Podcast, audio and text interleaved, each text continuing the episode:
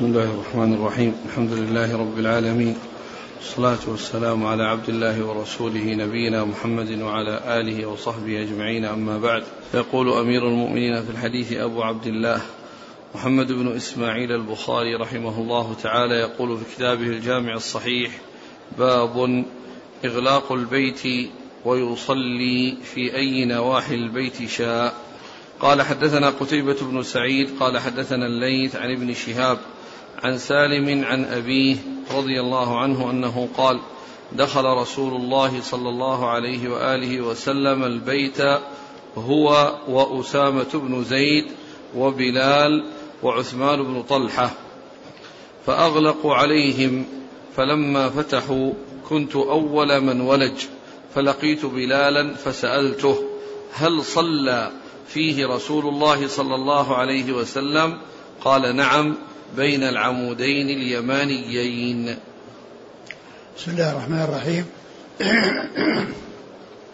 الحمد لله رب العالمين وصلى الله وسلم وبارك على عبده ورسوله نبينا محمد وعلى آله وأصحابه أجمعين أما بعد. يقول الإمام البخاري رحمه الله باب أغلاق البيت ويصلي في أي في أي نواحيه؟ نواحي البيت شاء. يصلي في أي نواحي البيت شاء. هذه الترجمة يعني أراد بها أن الرسول صلى الله عليه وسلم لما دخل البيت في في عام الفتح هو وأسامة بن زيد وبلال ومعهم عثمان بن طلحة الذي هو يعني الذي هو بيده مفتاح الكعبة آه، أغلقوا عليهم الباب وصلى النبي أغلقوا عليهم الباب وصلى النبي صلى الله عليه وسلم بين العمودين اليمانيين التي يكون الباب خلفه يكون الباب خلفه. و وقوله آه، وقوله ويصلي في أي نواحي البيت شاء يعني يريد بذلك أن هذا المكان الذي صلى فيه الرسول عليه الصلاة والسلام ليس هو خاص بما بأن لا يصلى إلا فيه. وإنما اتفق له أن صلى في هذا المكان ويصلي في أي نواحي البيت شاء. يعني لا يقال أن هذا خاص في هذه البقعة التي صلى فيها الرسول عليه الصلاة والسلام بل يصلي في نواحي البيت شاء ويكون هذا الذي حصل مما اتفق له صلى الله عليه وسلم. وأيضا كان مقابلا لدخوله وأنه استمر وتقدم بعدما دخل حتى صار بينه وبين الجدار ثلاثة أذرع. فصلى بين العمودين اليمانيين. وقد جاء أنه صلى ركعتين. والبيت كان يعني والبيت على ستة أعمدة يعني ثلاثة يعني سطر أمامية وثلاثة سطر يعني متأخرة. والرسول عليه الصلاة والسلام تقدم أو تجاوز الأعمدة المتأخرة وصار آه، بين عمودين من الأعمدة المتقدمة وهما العمودان اليمانيان أي اللذان في جهة اليمن. وجعل عمودا عن يساره وعمودين عن يمينه. صار عمودين عن يمينه وعمودا عن يساره صلى الله عليه وسلم وصلى ركعتين. فدل هذا على آه، على مشروعية صلاة الكعبة وعلى صحتها وأن الرسول صلى الله عليه وسلم فعلها وكان هذا نفل.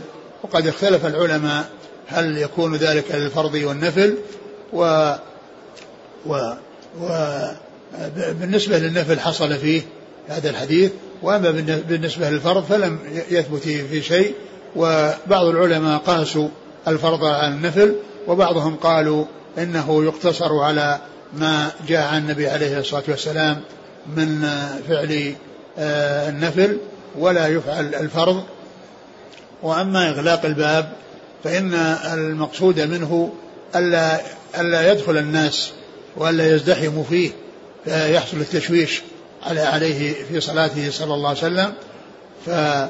فهذا هو السبب في إغلاق الباب. يعني من أجل لا يحصل هناك ازدحام الناس ودخولهم لأنه لو بقي مفتوحا سيتابع سيتتابع الناس على الدخول في في, في الكعبة وأن يزدحموا فيها وقد يحصل التشويش من بعضهم على بعض ولكن الرسول عليه الصلاة والسلام دخل هو هؤلاء الثلاثة وأغلقوا الباب وهذا لعله هذا هو السبب في إغلاق الباب. أقرأ الحديث. عن ابن عمر أنه قال دخل رسول الله صلى الله عليه وسلم البيت هو وأسامة بن زيد وبلال وعثمان بن طلحة فأغلقوا عليهم فلما فتحوا كنت أول من ولج فلقيت بلالا فسألته هل صلى فيه رسول الله صلى الله عليه وسلم؟ قال نعم بين العمودين اليمانيين. وهذا فيه الدلالة على ما كان عليه عبد الله بن عمر رضي الله عنه من معرفة آه، أفعال الرسول عليه الصلاة والسلام فإنه كان ممن آه، ممن وراء الباب ينتظرون فتحه ولهذا قلت كنت أول من ولج. يعني معنى ذلك أن في ناس ولجوا وتتابعوا في الولوج ولكنه قال كنت أول من ولج فلقي بلالا وسأله فهل صلى رسول الله صلى الله عليه وسلم في البيت؟ قال نعم بين العمودين اليمانيين. قال نعم صلى بين العمودين اليمانيين. وجاء في بعض الأحاديث أن صلاته كانت آه كانت ركعتين. نعم. قال حدثنا قتيبة بن سعيد نعم. عن الليث بن سعد. عن ابن شهاب نعم. عن سالم سالم سالم بن عبد الله بن عمر. عن أبيه. نعم. قال رحمه الله تعالى باب الصلاة في الكعبة. قال حدثنا أحمد بن محمد قال أخبرنا عبد الله قال أخبرنا موسى بن عقبة عن نافع عن ابن عمر رضي الله عنهما أنه كان إذا دخل الكعبة مشى قبل الوجه حين يدخل. ويجعل الباب قبل الظهر يمشي حتى يكون بينه وبين الجدار الذي قبل وجهه قريبا من ثلاثة أذرع فيصلي.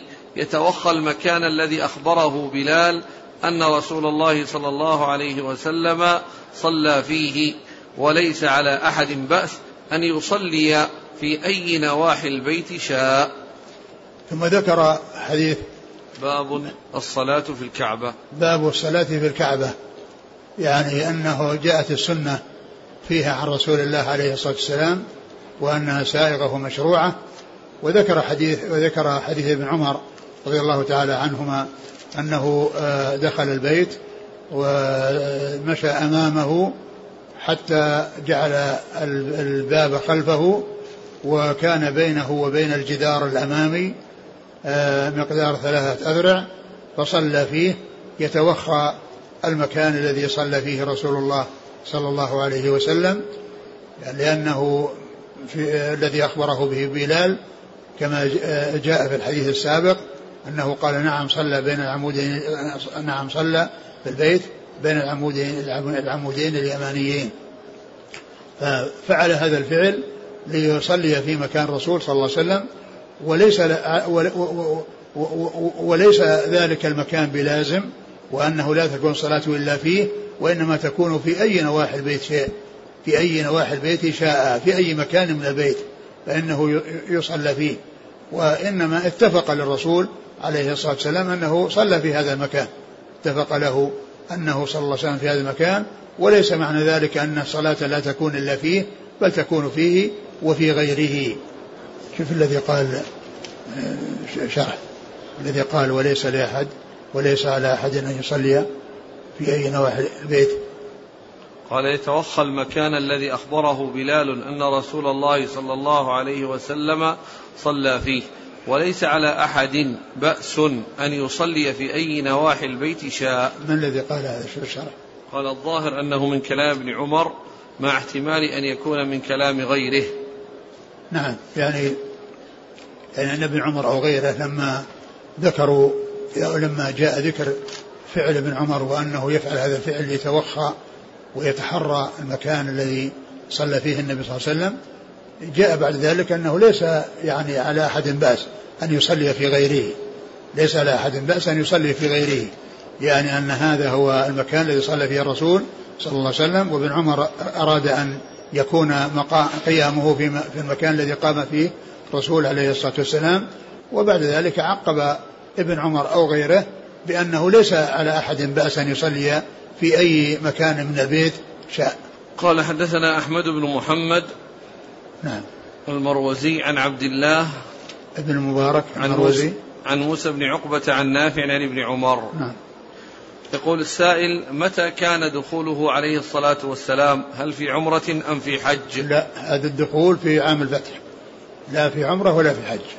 الرسول صلى الله عليه وسلم دخل البيت عام الفتح آآ آآ آآ هذا هو الدخول إنما كان فيه.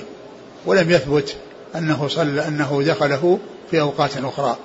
يقول الحافظ كان ذلك في عام الفتح كما وقع مبينا من رواية يونس بن يزيد عن نافع عند المصنف في كتاب الجهاد بزيادة فوائد. ولفظه أقبل النبي صلى الله عليه وسلم يوم الفتح من أعلى مكة على راحلته. وفي رواية فليح عن نافع الآتية في المغازي وهو مردف أسامة يعني بن زيد على القصواء ثم اتفقا ومعه بلال وعثمان بن طلحة حتى أناخ في المسجد. وفي رواية فليح عند البيت وقال لعثمان ائتنا بالمفتاح. فجاءه بالمفتاح ففتح له الباب فدخل. ولمسلم وعبد الرزاق من رواية أيوب عن نافع ثم دعا عثمان بن طلحة بالمفتاح فذهب إلى أمه فأبت أن تعطيه فقال والله لتعطينه أو لأخرجن هذا السيف من صلبي. فلما رأت ذلك أعطته فجاء به إلى رسول الله صلى الله عليه وسلم ففتح الباب. فظهر من رواية فليح أن فاعل فتح أن فاعل فتح هو عثمان المذكور. لكن روى الفاكهي من طريق ضعيفة عن ابن عمر قال كان بنو أبي طلحة يزعمون أنه لا يستطيع أحد فتح الكعبة غيرهم غيرهم. فأخذ رسول الله صلى الله عليه وسلم المفتاح ففتحها بيده. وعثمان المذكور هو عثمان بن طلحة بن أبي طلحة ابن عبد العزى ابن عبد الدار بن قصي بن كلاب. ويقال له الحجبي. ولآل بيته الحجبة. لحجبهم الكعبة ويعرفون الآن بالشيبيين. يعني الحديث قال هذا اللي عند الفاكهة ضعيف. هذا الذي فيه إنه لا يستطيع أحد أن يفتحه إلا هم وأن الرسول صلى الله عليه وسلم أخذه وفتحه يعني ليبين لهم أن هذا الكلام غير صحيح ولكن هذا غير ثابت. قال رحمه الله تعالى باب من لم يدخل الكعبة. وكان ابن عمر رضي الله عنهما يحج كثيرا ولا يدخل.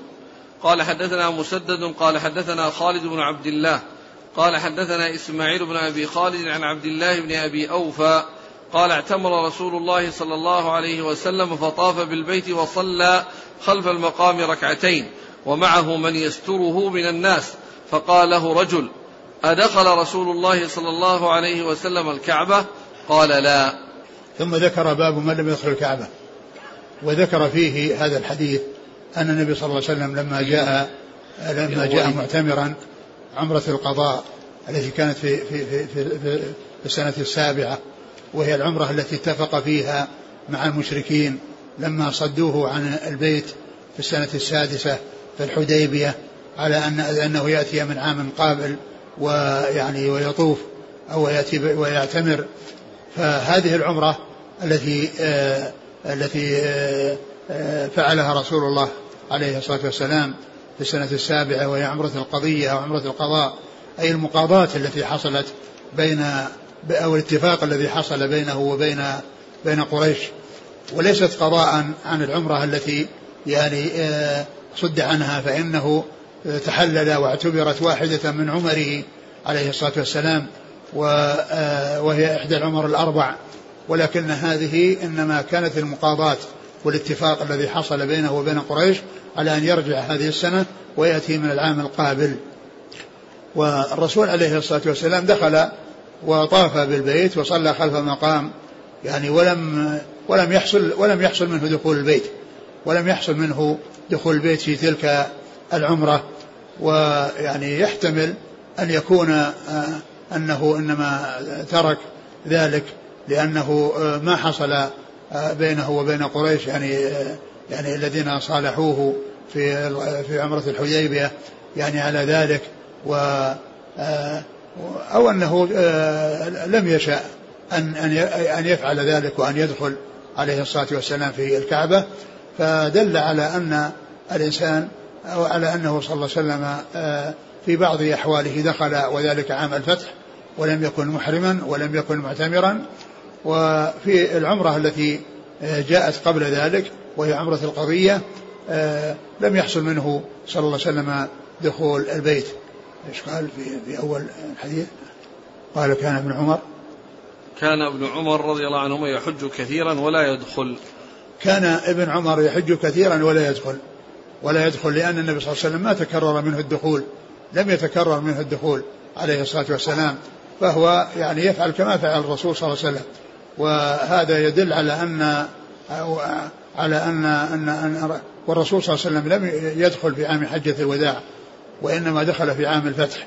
و آه، وهذا يدل على أن أنه يعني لا يلزم أو أن أن أن الإنسان في حجه أنه يدخل البيت. فالرسول حج عليه الصلاة والسلام ولم يدخل البيت والصحابة رضي الله عنهم كانوا يحجون ومنهم ابن عمر كما جاء في في هذا أنه كان يحج كثيرا ولا يدخل البيت. فإذا دخول البيت يعني ليس يعني ليس بلازم وليس المحتم ولا يعني يحرص على التكرار وحصوله لأن ابن عمر رضي الله عنه لم يفعل ذلك مع مع كثرة حجاته عليه حجاته رضي الله عنه وأرضاه.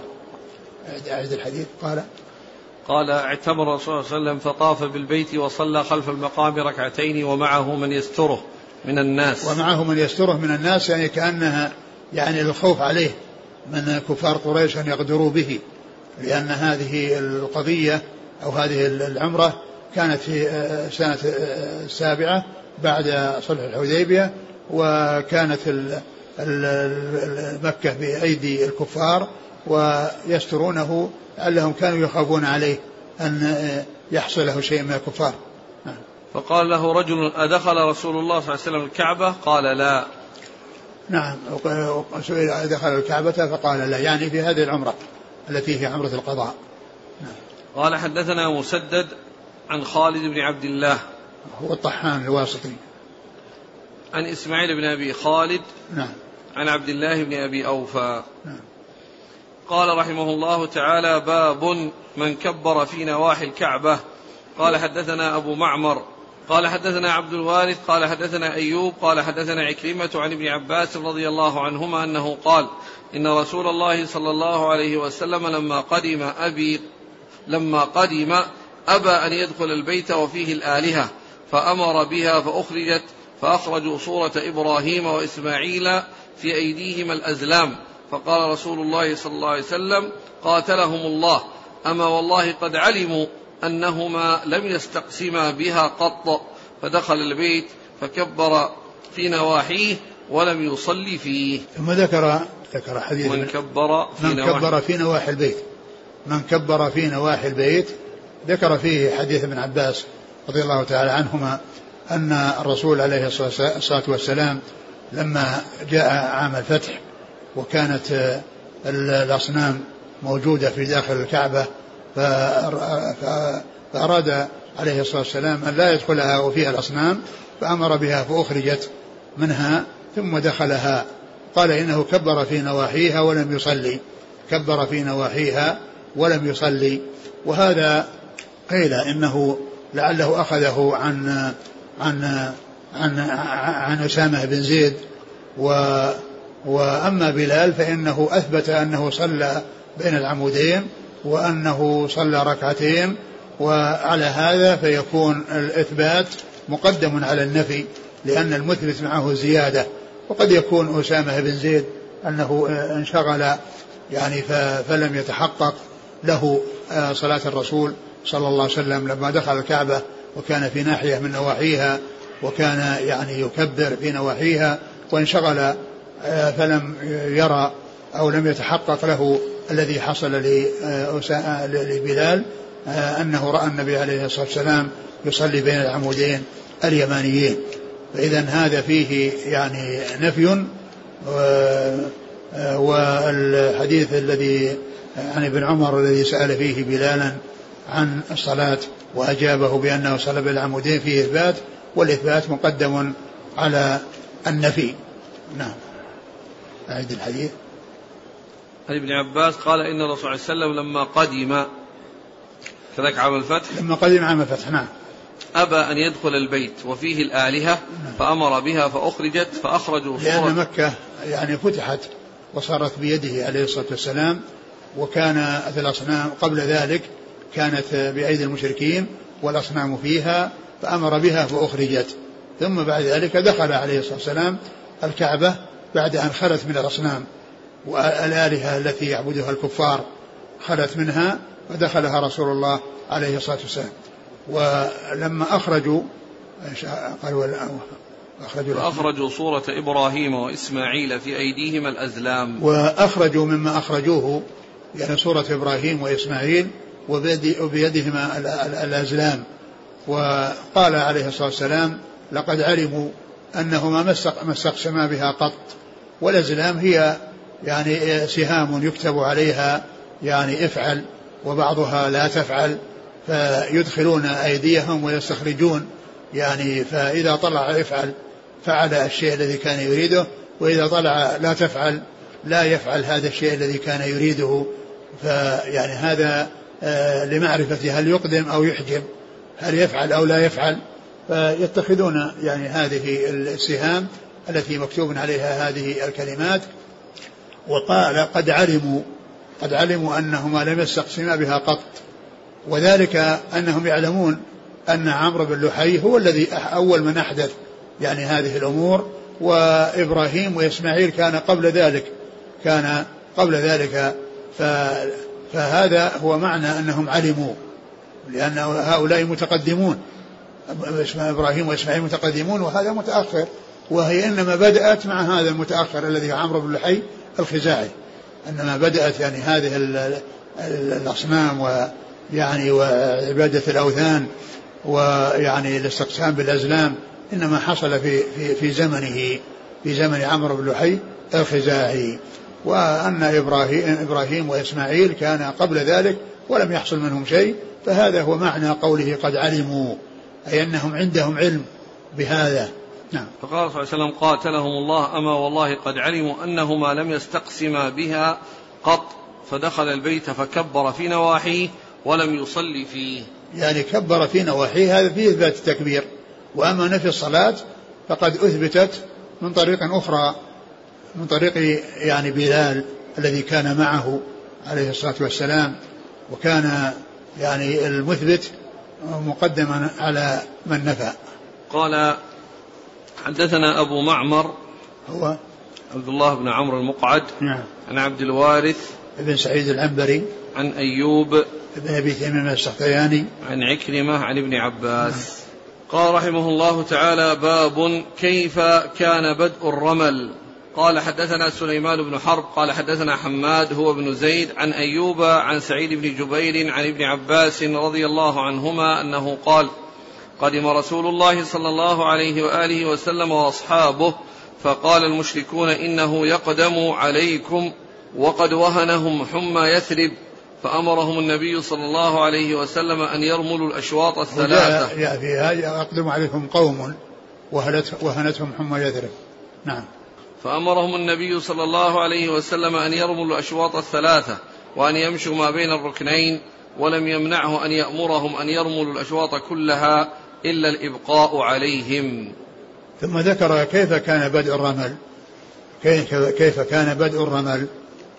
الرمل في الطواف الأول الذي يكون عند أول طواف يأتي به الإنسان الذي قدم مكة محرما سواء كان بعمرة أو بحج فإنه يرمل ثلاثة أشواط بمعنى أنه يسرع فيها إسراعا يعني خفيفا لا يجري جريا وإنما يتحرك فيها يعني إسراعا خفيفا هذا يسمى الرمل يسمى الرمل وكان هذا في عمرة القضاء يعني هذا الذي جاء في هذا الحديث هو في العمرة التي هي في السنة السابعة وقد كان الكفار جالسين في جهة الحجر يعني والرسول عليه الصلاة والسلام وأصحابه يطوفون وقد قالوا فيما بينهم وأسمع الله نبيه صلى الله عليه وسلم ما قالوا.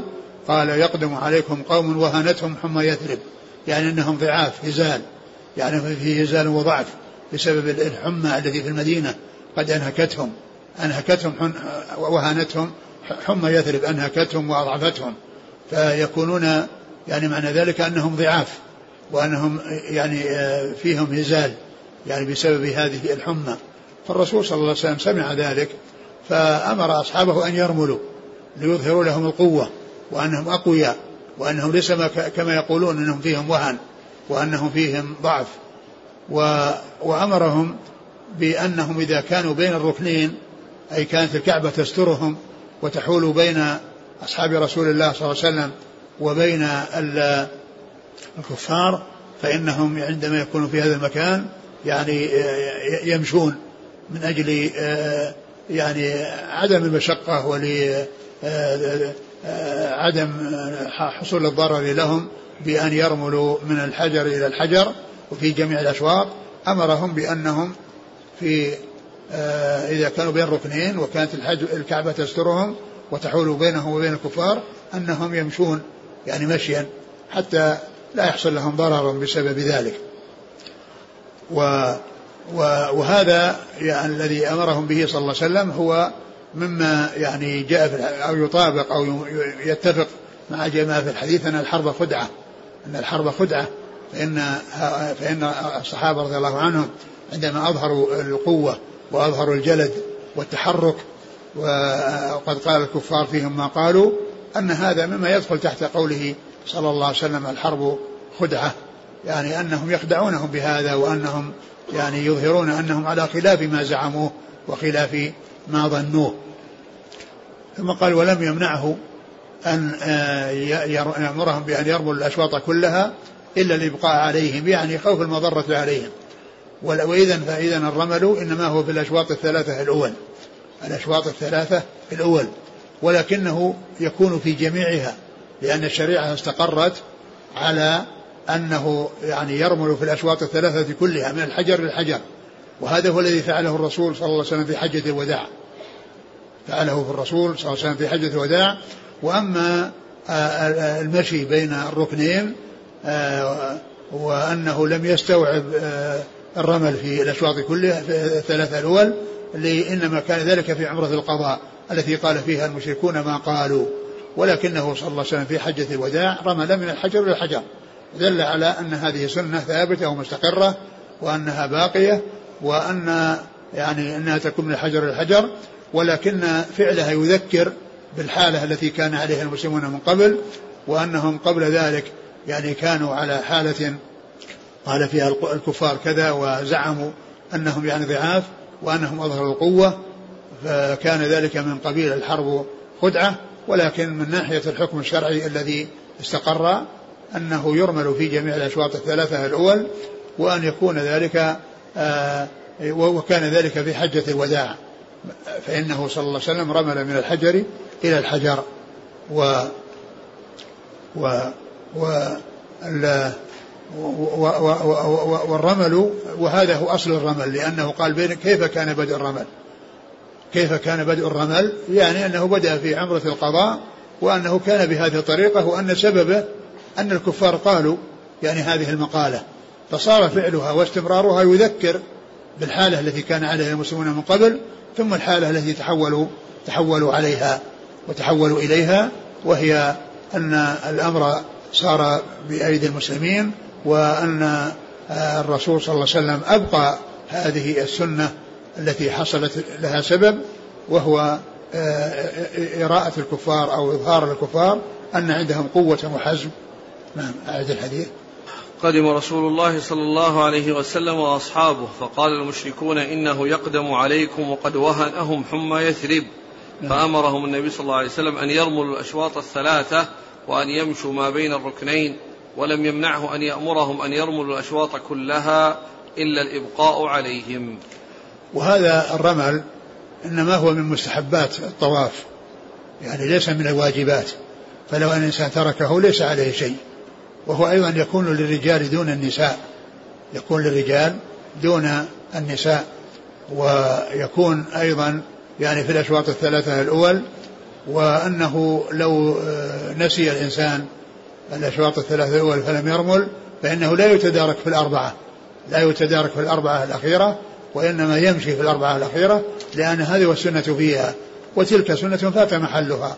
يعني إذا كان الإنسان نسي ولم يفعل فإنه لا يقضي ويتدارك في الأربعة الأشواط لأن الأربعة الأشواط فيها المشي وليس فيها الرمل ويكون فوات الرمل وفوات الأشواط التي يرمل فيها يعتبر من السنة التي فات محلها فلا يتداركها يعني في بقية الطواف.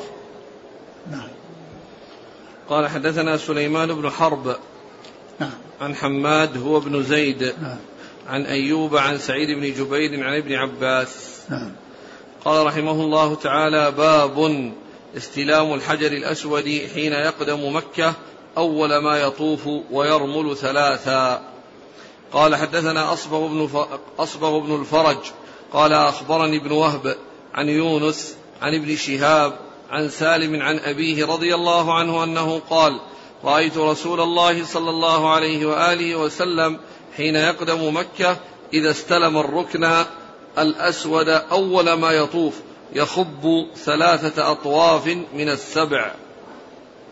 ثم قال باب استلام الحجر الأسود حين يقدم مكة أول ما يطوف ويرمل ثلاثا. آه، استلام الحجر الأسود إذا أول ما يقدم مكة عندما يطوف ويرمل آه، آه، أشواطا ثلاثة. يعني أن ذكر فيه هذا الحديث أن النبي صلى الله عليه وسلم كان إذا دخل مكة أول ما يطوف يبدأ بالحجر الأسود ويستلمه. يبدأ بالحجر الأسود ويستلمه. ثم يحصل منه الاتيان بالطواف والرمل في الأشواط الثلاثة الأول. والرمل في الأشواط الثلاثة الأول. وهذا إنما يكون في أول طواف يكون فيه الإنسان دخل محرما بحج أو عمرة. فإن كان محرما بعمرة فإنه يطوف الأشواط الثلاثة يرمل في الأشواط الثلاثة الأول. وإذا كان يعني في يعني قارنا أو مفردا فإنه آه، طواف القدوم هذا الطواف الذي هو طواف القدوم يفعل فيه يعني هذه هذه الأمور التي هي استلام الحجر وتقبيل والرمل. يعني للثلاثة الأشواط الأول. ومن المعلوم أن أن استلام الحجر لا يختص بالطواف الأول أو بالشوط الأول بل يمكن الإنسان يستلمه في الأطوفة الأخرى. يمكن الإنسان يستلمه في الأطوفة الأخرى ولكن آه، آه، آه، الرسول صلى الله عليه وسلم أول ما قدم وأول ما وصل فإنه استلمه وطاف سبعة أشواط رمل في الثلاثة الأشواط الأول منها. واستلام الحجر هو من الأمور المستحبة من الأمور المستحبة وليس من الأمور الواجبة. فلو أنه طاف ولم يحصل منه الاستلام فإنه لا شيء عليه لأنه ليس من الأمور الواجبة لأنه مثل الرمل. الرمل والاستلام والاطباع كل هذه من مستحبات الحج وليست من واجباته وليس على من تركها شيء. لكن آه، آه، استلام الحجر إنما يكون حيث لا يحصل ضرر بالوصول إليه واستلامه.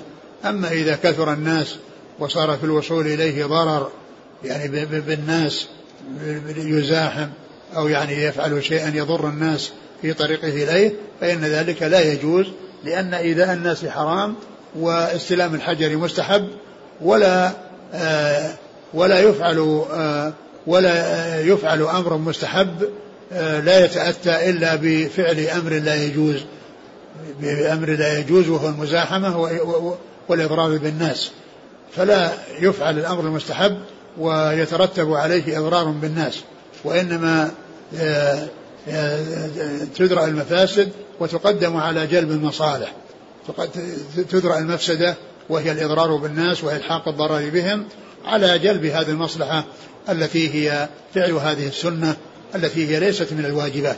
فإذا تيسر الإنسان أن يستلم الحجر أو يقبله دون أن يلحق ضررا بأحد من الناس له ذلك. وأما إذا كان يترتب عليه شيء من الضرر فإنه لا يفعل بل يترك إيذاء الناس ولا يفعله من أجل الوصول إلى أمر مستحب ليس بلازم للإنسان. قال كان رأيت الرسول صلى الله عليه وسلم حين يقدم مكة إذا استلم الركن الأسود أول ما يطوف يخب ثلاثة أطواف من السبع.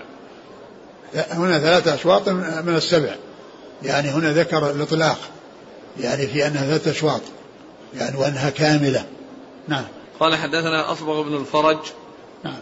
عن ابن وهب عبد الله بن وهب. عن يونس ابن يزيد الأيلي. عن ابن شهاب نعم. عن سالم عن أبيه. نعم. يقول السائل إذا قدمت مكة وأنا غير معتمر أريد أن أطوف طواف تطوع هل يشرع لي حينئذ أن أرمل؟ لا. لا يجوز الإنسان أن يرمل إلا في طواف القدوم. الإنسان يعني يعني طواف قدوم في حق الحج والمع والقارئ والمفرد. وطواف العمرة في حق المعتمر في حق المعتمر في أي يعني في أي وقت من السنة أو إذا كان متمتعا يعني حيث تكون العمرة في أشهر الحج فإنه آه، في جميع أحواله إذا اعتمر فإنه يخب ثلاث أشواط في سواء كانت في آه، عمرة تمتع أو عمرة مستقلة لا علاقة لها بالتمتع التي تكون في في أثناء السنة في أثناء السنة ف يعني وأما وكذلك وأما طواف الأطوفة الأخرى التي هي ليست طواف قدوم أو طواف العمرة فإنه لا يشرع فيها. وكذلك أيضا أن يكون الإنسان يعني أيضا غير محرم لأن لأنه حتى يعني الطواف اللي هو طواف الوداع وهو متعلق بالحج وطواف الإفاضة وهو متعلق بالحج ويعني هذا ليس فيه فيه رمل وإنما الرمل في أول في أول طواف يحصل الإنسان إذا قدم مكة حاجا أو معتمرا. يقول أحسن الله إليك إذا كان آه، آه، الطواف فيه ازدحام. والآن بعضهم يقول في مكانه ويهز منكبيه دلالة على الرمل. نعم يتحرك. يعني يظهر التحرك يعني يعني يظهر التحرك الذي فيه هز المنكبين. المهم إنه يظهر التحرك. لكن آه، ليس فيه أقول ليس فيه يعني التمكن من الاسراع قال رحمه الله تعالى باب الرمل في الحج والعمرة. قال حدثني محمد قال حدثنا سريج بن النعمان قال حدثنا فليح عن نافع عن ابن عمر رضي الله عنهما أنه قال سعى النبي صلى الله عليه وآله وسلم ثلاثة أشواط ومشى أربعة في الحج والعمرة. تابعه الليث. قال حدثني كثير بن فرقد عن نافع عن ابن عمر رضي الله عنهما عن النبي صلى الله عليه وآله وسلم. أعد المتن قال عن ابن عمر قال سعى النبي صلى الله عليه وسلم ثلاثة أشواط ومشى أربعة في الحج والعمرة. ثم قال باب الرمل في الحج والعمرة. الرمل في الحج والعمرة. ويكون هذا كما هو معلوم في أول طواف للحج أو أول طواف للعمرة. أول طواف للحج أو أول طواف للعمرة الذي يكون عند قدوم مكة وهو محرم فإنه يأتي بهذه السنة التي هي آه، الرمل. وقال إن الرسول صلى الله عليه وسلم يعني رمل يعني آه، آه، ثلاثة أشواط ومشى أربعا ومشى في الحج والعمرة. والرسول عليه الصلاة والسلام معلوم أن عمرة القضاء التي هي العمرة الثانية العمرة الثانية من عمره صلى الله عليه وسلم لأن العمرة الأولى عمرة الحديبية التي صد فيها والثانية عمرة القضاء من السنة الآتية والثالثة العمرة التي مع حجته صلى الله عليه وسلم حيث كان قارنا والعمرة الرابعة التي هي عمرة الجعرانة كانت بعد كانت كانت بعد يعني بعد العمرة التي التي هي عمرة القضاء. فيكون قوله يعني في حجه عمرته إنما يحمل يعني في حجه العمرة العمرة التي مع حجته يعني لأن القارن عنده حج وعمرة ويكون طاف لحجه وعمرته وكان هذا الطواف القدوم لحجه وعمرته. وأيضا يمكن أن يكون ذلك في عمرة الجعرانة لأنها كانت بعد الذي حصل من المشركين في في, في السنة السابعة والذين قالوا أنه يقدم عليكم قوم وهانتهم عما يثرب وأنهم يعني كانوا يعني يعني آه، آه، يقول الرسول أمرهم بأن يخبوا ثلاث أشواط وأن يمشوا بين الركنين اليمانيين. فاذا العمرة التي آه، آه، حصلت بعد هذا هي عمرة الجعرانة. ومعنى ذلك أنه صلى الله عليه وسلم رمل فيها وكذلك في الحج في حجه الذي معه عمرة لأنه كان قارنا عليه الصلاة والسلام. أعيد الحديث. قال سعى النبي صلى الله عليه وسلم ثلاثة أشواط. سعى يعني أسرع في المشي الذي هو الرمل. نعم ومشى ومشى أربعة في الحج والعمرة. نعم لأن هذا فيه أن أن الأشواط الثلاثة كلها. ويعني وإنما الذي حصل فيه آه الاقتصار على آه ثلاث الجوانب ما عدا ما بين الركن وما بين الركنين فإن هذا إنما كان في عمرة القضاء وما بعد ذلك يعني مثل عمرة الجعرانة ومثل حجه هذا هو الذي يصدق عليه أو يمكن أن يكون رمل فيه الأشواط الثلاثة كلها نعم. قال حدثني محمد وابن سلام نعم. نعم عن سريج بن النعمان نعم. عن فليح نعم بن سليمان. نعم. عن نافع عن ابن عمر. نعم. تابعه الليث. الليث بن سعد. قال حدثني كثير بن فرقد عن نافع عن ابن عمر. نعم. قال حدثنا سعيد بن أبي مريم قال أخبرنا محمد بن جعفر قال أخبرني زيد بن أسلم عن أبيه أن عمر بن الخطاب رضي الله عنه قال للركن أما والله إني لأعلم أنك حجر لا تضر ولا تنفع ولولا أني رأيت النبي صلى الله عليه وآله وسلم استلمك ما استلمتك فاستلمه. ثم قال فما لنا وللرمل إنما كنا رأينا به المشركين وقد أهلكهم الله. ثم قال شيء صنعه النبي صلى الله عليه وآله وسلم فلا نحب أن نتركه. ثم ذكر هذا الحديث حديث عمر رضي الله عنه من أجل ما جاء في آخره لأن الحديث الذي يكون قبل الحجر وقال إنك حجر لا تضر ولا تنفع هذا سبق أن مر وسيأتي ولكنه أورده من أجل الجملة التي جاءت في آخره وهو أنه لما يعني طاف بالبيت وقبل الحجر وقال ما لنا وللرمل يعني أن أن أن الرمل إن كان له سبب. أنه كان له سبب وهو يعني إظهار القوة للمشركين. قال ما لنا وللرمل إنما كنا رأينا مشركين يعني أننا رملنا من أجل أن نري المشركين قوتنا وأنه ليس الأمر كما قالوه من أنه وهنتهم الحمى وأضعفتهم الحمى فإنهم آه، بهذا رأوا المشركين. وهذا مثل ما تقدم أن هذا من مما يدخل تحت قوله صلى الله عليه وسلم الحرب خدعة. ولكن هذا الذي حصلت بدايته يعني من هذا الذي هو ظهر القوة يعني آه، استقر الأمر عليه بعد ذلك حيث آه، حصل منه صلى الله عليه وسلم أنه رمل من في في عمرة القضية في عمرة الجعرانة وفي وفي حجه عليه الصلاة والسلام كما تقدم في الحديث آه، السابق. قال حدثنا سعيد بن أبي مريم نعم. عن محمد بن جعفر نعم. وليس هو غندر. آه. اللي هو المصري. نعم. نعم. ابن أبي كثير. نعم. قال عن زيد بن أسلم نعم. عن أبيه عن نعم. عمر. نعم. قال حدثنا مسدد قال حدثنا يحيى عن عبيد الله عن نافع عن ابن عمر رضي الله عنهما أنه قال ما تركت استلام هذين الركنين في شدة ولا رخاء منذ رأيت النبي صلى الله عليه وآله وسلم يستلمهما. قلت, قلت لنافع أكان ابن عمر يمشي بين الركنين؟ قال إنما كان يمشي ليكون أيسر لاستلامه. ثم ذكر هذا الحديث عن ابن عمر أنه قال ما تركت استلام الركنين في شدة ولا رخاء يعني الركنين اللي هي الحجر الأسود والركن اليماني. الحجر الأسود والركن اليماني لأن النبي صلى الله عليه وسلم كان يستلمهما فكان يستلمهما ويلازم ذلك ويحرص عليه رضي الله تعالى عنه وراه ما تركه إلا في شدة ورخاء ولا رخاء إيش قال بعده؟ منذ رأيت النبي صلى الله عليه وسلم يستلمهما نعم وهذا فيه اتباع الرسول عليه الصلاة والسلام وحرص ابن عمر على اتباعه وفعل آه، والفعل كما كان يفعل الرسول صلى الله عليه وسلم.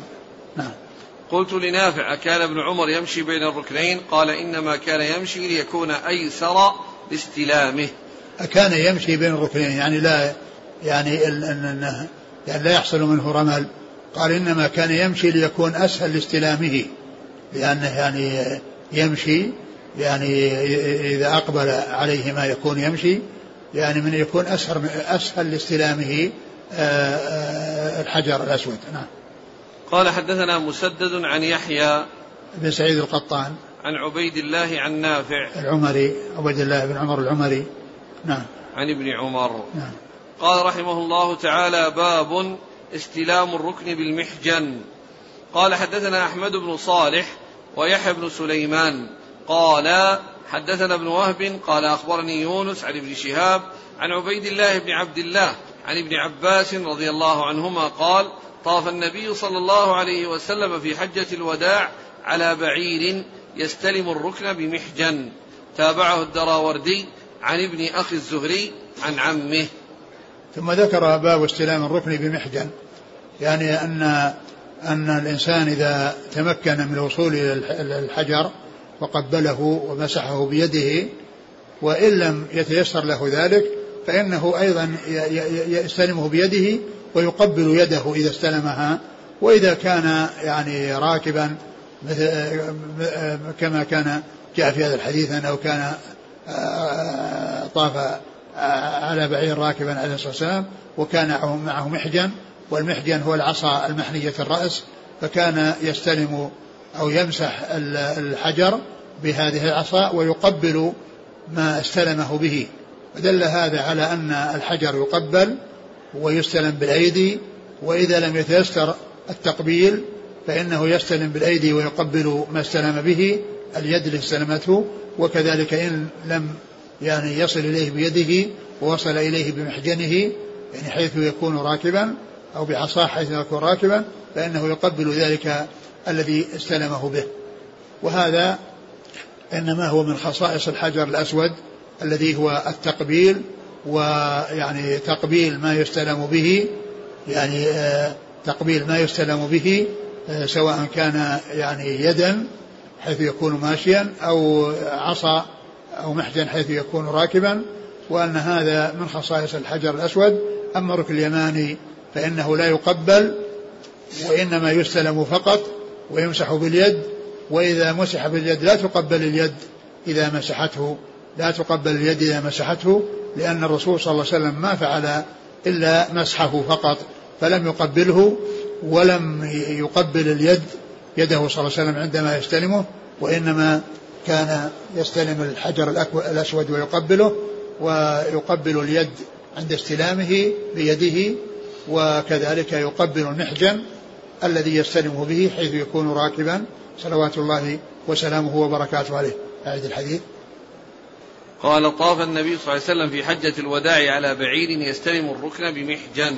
نعم وهذا يدل على يعني آه على أن الإنسان يعني له أن يطوف راكبا وأن يكون ماشيا لكنه إذا طاف راكبا فإنه لا يحرص على ألا يؤذي أحدا من الناس على أن يؤذي أحدا سواء كان يعني مثل ما مثل ما جاء في الحديث أو بأي يعني وسيلة أخرى يعني يكون فيها راكبا لا يلحق ضررا بالناس في آه، بسبب المركوب الذي كان راكبا عليه من العربات وغيرها. و والذي حصل في زمن صلى الله عليه وسلم ركوب البعير وأن ذلك لا يعني عندما يحصل لا بد أن يتحقق من سلامة آه، حصول الأذى لأحد بسببه.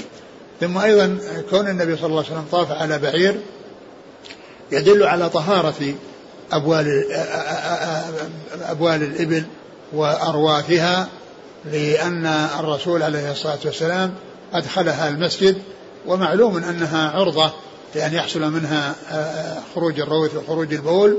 ولو كان نجسا فإنه آه، يعني لا يعرض المسجد لحصول النجاسة فيه. ولهذا ما جاء أنه أدخل حمارا وإنما كان يدخل على بعير. والبعير آه، يعني بوله بوله طاهر وروثه طاهر. وقد جاء النبي عليه الصلاة والسلام في قصة العرنيين أنه أمرهم أن يشربوا من أبوالها وألبانها ولولا أن أبوالها طاهرة ما أذن لهم بشربها عليه الصلاة والسلام. وكذلك أيضا هنا في قضية إدخال البعير لأنه إذا حصل منه البول والروث يعني يقع في المسجد وهو شيء طاهر ولكنه يزال لقذارته لكونه يعني شيء من القدر مثل المخاط. فإنه ليس بنجس ولكنه قدر فكذلك أبوال الإبل و يعني في المسجد إذا حصلت فإنه شيء من القدر وليس شيء من النجاسة. ف يعني ف تزال تزال النجاسة يزال القدر من أجل أنه قدر.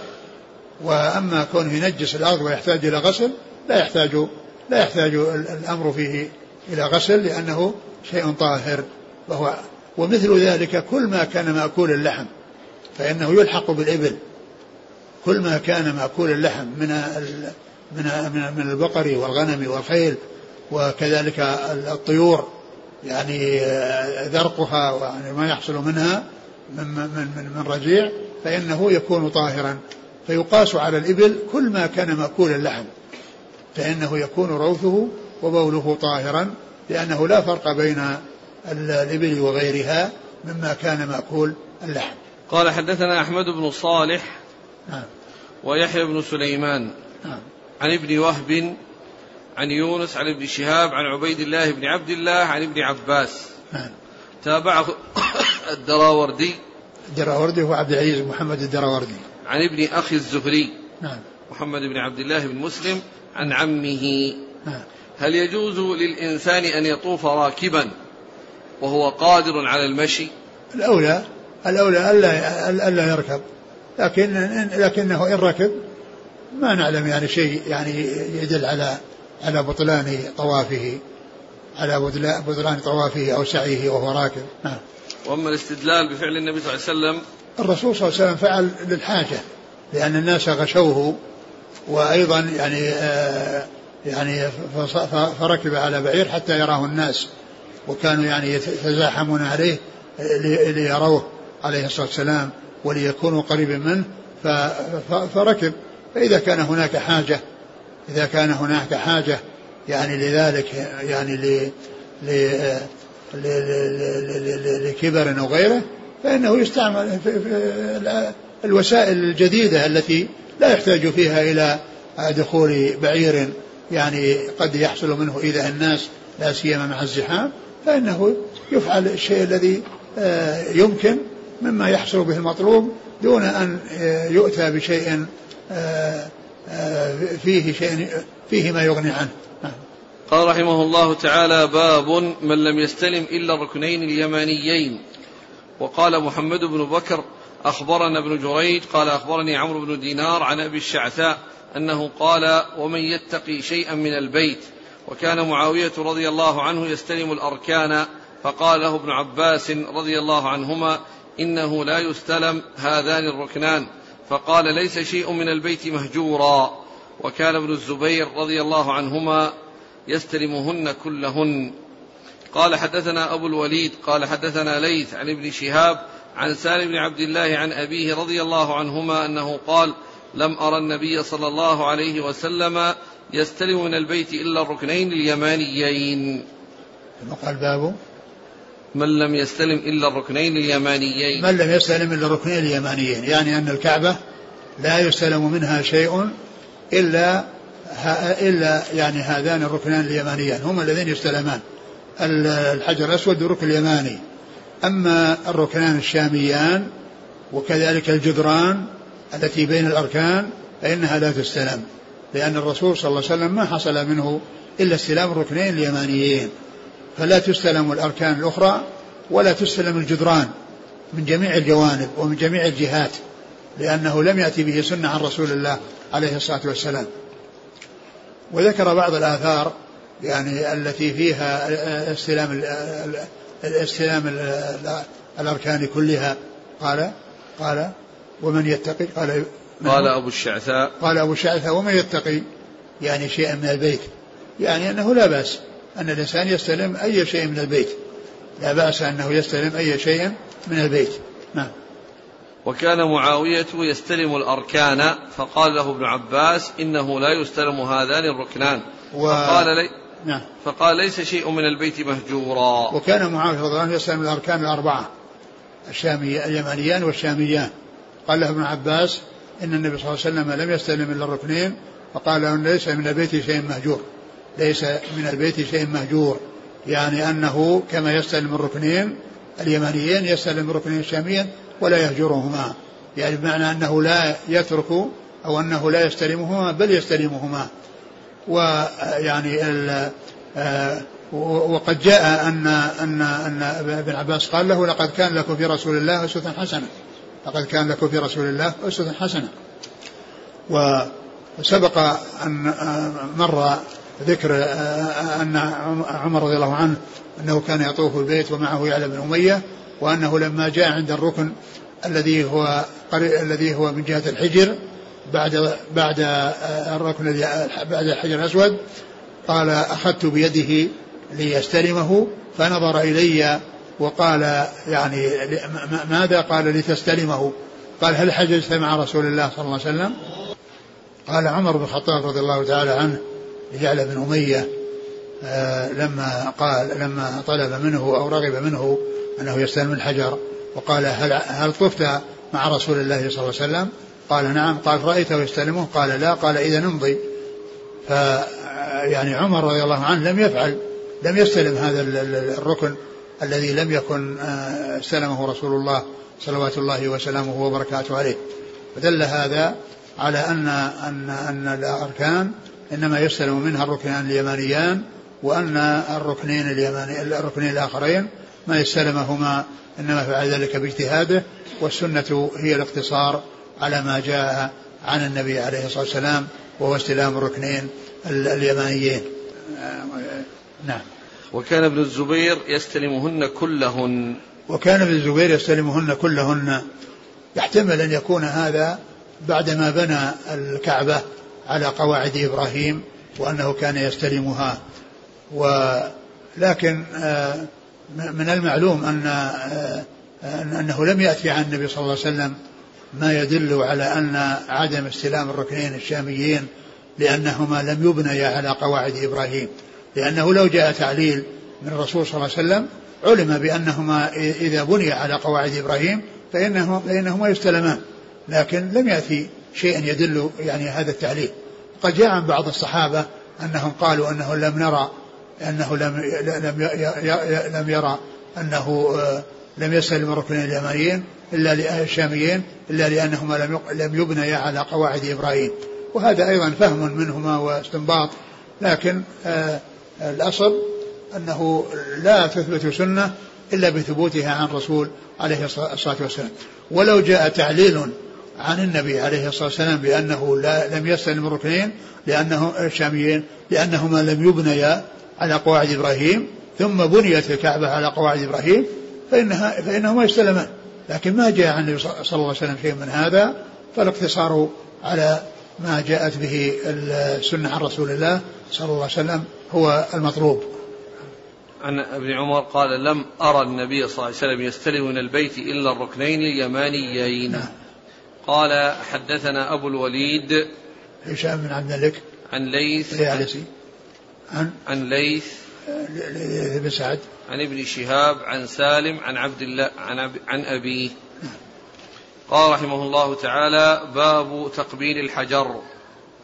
قال حدثنا أحمد بن سنان قال حدثنا يزيد بن هارون قال أخبرنا ورقاء قال أخبرنا زيد بن أسلم عن أبيه قال رأيت عمر بن الخطاب رضي الله عنه قبل الحجر وقال لولا أني رأيت رسول الله صلى الله عليه وسلم قبلك ما قبلتك. ثم ذكر تقبيل الحجر الحجر الأسود وأن تقبيله سنة سنها رسول الله صلى الله عليه وسلم وأن الناس يقبلونه اقتداء بالرسول عليه الصلاة والسلام كما جاء ذلك مبينا في كلام عمر رضي الله عنه حيث قبله وقال إن لولا أني رأيت رسول الله صلى الله عليه وسلم يقبله كما قبلته. فإذا الذي فعله الرسول صلى الله عليه وسلم الناس يفعلونه والذي لم يفعله فإنهم لا يفعلونه. إنك آآ آآ ولولا أني رأيت رسول الله صلى الله عليه وسلم يقبل كما قبلتك. إذا العبرة هو وجود الدليل عن النبي عليه الصلاة والسلام وعمر رضي الله عنه قبل وأخبر بأنه متبع بذلك لرسول الله صلى الله عليه وسلم حيث قبله. وأخبر أنه لو لم يقبله ما قبله إذا الركن اليمانيان ما قبل الشاميان ما قبلهما الرسول فنحن لا نقبلهما فنحن لا نقبلهما نعم قال حدثنا أحمد بن سنان نعم. عن يزيد بن هارون نعم. عن ورقاء نعم. بن عمر اليشكري نعم. عن زيد بن أسلم عن أبيه عن عمر نعم. قال حدثنا مسدد قال حدثنا حماد عن الزبير بن عربي قال سأل رجل ابن عمر رضي الله عنهما عن استلام الحجر فقال رأيت رسول الله صلى الله عليه وسلم يستلمه ويقبله. قال قلت أرأيت إن زحمت؟ أرأيت إن غلبت؟ قال اجعل أرأيت باليمن. رأيت رسول الله صلى الله عليه وسلم يستلمه ويقبله. ثم ذكر هذا الحديث عن ابن عمر رضي الله تعالى عنهما قال قال سأل رجل ابن عمر نعم. عن استلام الحجر. سأل رجل ابن عمر عن استلام الحجر فقال رأيت الرسول صلى الله عليه وسلم يستلمه ويقبله. قال رأيت النبي صلى الله عليه وسلم يستلمه ويقبله. وهذا فيه الإجابة بالدليل لأنه سئل عن احتمال الزمان فقال لم يقل له أنه سائغ وأنه مشروع وإنما قال رأيت النبي صلى الله عليه وسلم يقبله. يعني فاكتفى بالدليل في الجواب بالدليل وأن هذا فعل الرسول صلى الله عليه وسلم. والجواب أحيانا يكون بذكر الدليل وأحيانا يكون بذكر الجواب من من من السائل بما يطابق الدليل بما يطابق الدليل. وهذا فيه الإجابة بما يطابق الدليل الإجابة بنفس الدليل وأنه أجابه ببيان أن هذا فعل الرسول صلوات الله وسلامه وبركاته. قال رأيت النبي صلى الله عليه وسلم يقبله رأيته يستلمه, يستلمه ويستلم يقبله ويستلم يعني الاثنين يعني التقبيل بالفم والاستلام باليد. فالحجر الأسود يشرع فيه آه، يعني أمور ثلاثة وهي أنه يقبل ويستلم وتقبل يعني يقبل ما استلم به سواء يدا أو أو عصا وكذلك يشار إليه عند محاذاته آه، ويكبر إذا لم يصل إليه. هذه أمور ثلاثة مشروعة في حق الحجر الأسود. أما الركن اليماني فليس فيه إلا الاستلام فقط ليس فيه تقبيل وليس فيه تقبيل اليد عند الاستلام وليس فيه إشارة إليه عند محاذاته وتكبير نعم. قال أرأيت إن زحمت أو غلبت؟ قال أرأيت إن زحمت. يعني هذا السائل الذي سأله قال أرأيت إن زحمت؟ يعني زحمت عن الوصول إليه وتقبيله. زحمت عن الوصول إليه وتقبيله. أرأيت إن أرأيت إن زحمت؟ أرأيت إن غلبت؟ يعني غلبت عليه. قال دع أرأيت في اليمن واتبع سنة نبيك. عليه الصلاة والسلام. قوله أرأيت دع أرأيت في اليمن يشعر بأن هذا السائل يمني وأنه من أهل اليمن. ولهذا قال له دع أرأيت في اليمن. فيعني خصه بهذا الكلام ويعني لأنه من أهل اليمن. وقد جاء في بعض الروايات يعني بعض الروايات أن أن أن أن الزبير بن عربي وهو الذي يعني راوي الحديث والذي قال جاء رجل جاء في بعض الروايات أنه هو الذي سأل رسول الله أنه هو الذي سأل أن سأل ابن عمر هو الذي سأل ابن عمر. وهذا يعني وهو بصري من أهل البصرة. وإن كان يعني سكن اليمن ونسب إليها وإلا فإن ذكر دع رأيت في اليمن هذه لا تناسب إلا اليمنيين. قال حدثنا مسدد عن حماد عن الزبير بن عربي عن ابن عمر. انتهى الباب. والله تعالى أعلم وصلى الله وسلم وبارك على عبده ورسوله. نبينا محمد وعلى آله وأصحابه أجمعين. جزاكم الله خيرا وبارك الله فيكم. ألهمكم الله الصواب وفقكم الحق. شافاكم الله وعافاكم ونفعنا الله بما سمعنا. غفر الله لنا ولكم وللمسلمين أجمعين. سبحانك اللهم وبحمدك. نشهد أن لا إله إلا أنت نستغفرك ونتوب إليك.